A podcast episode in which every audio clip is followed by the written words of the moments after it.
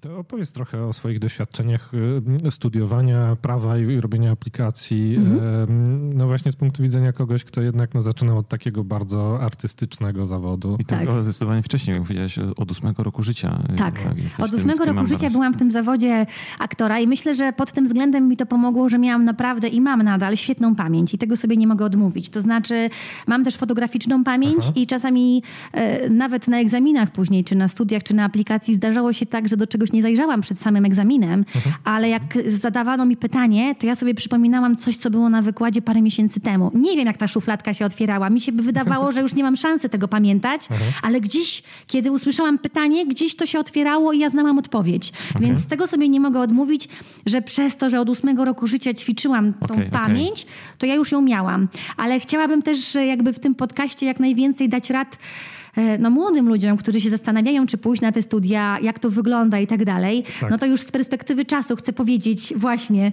e, że na pewno warto iść na te studia. Bardzo one poszerzają horyzonty, w bardzo wielu dziedzinach się przydają. No generalnie prawo jest obecne wokół nas wszędzie. I nawet na studiach prawniczych chwila, mówią, tak. że nawet jak się wchodzi do, do autobusu i się kasuje tak, bilet, tak, to tak, jest tak. moment zawarcia umowy i tak dalej. No więc naprawdę to prawo każdemu się przyda. To, to są na pewno nie są stracone lata. To jest jedno pierwsze pewne i dlatego każdemu polecam.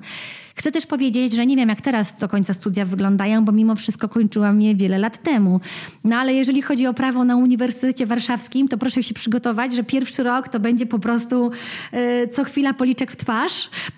Ale I... czekaj, czekaj. Jaki policzek? W sensie, policzek w twarz to znaczy największy i do tej pory nie wiem, jak to znam, to jest logika. Logika okay, na prawie okay. jest dla mnie kompletnie nielogiczna.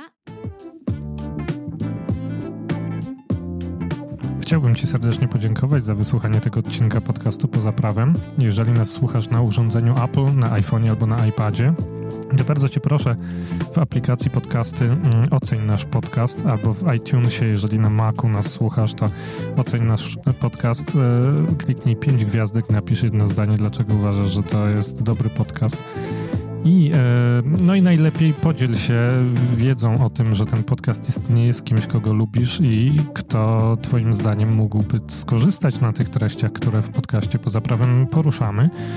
Jeżeli nie słuchasz nas na sprzęcie Apple, to też możesz zostawić recenzję naszego podcastu w aplikacji na przykład Google Podcasts oraz bardzo, bardzo gorąco zachęcamy do tego, żebyś również komuś, kogo lubisz, polecił nasz podcast. Jednej osobie wystarczy.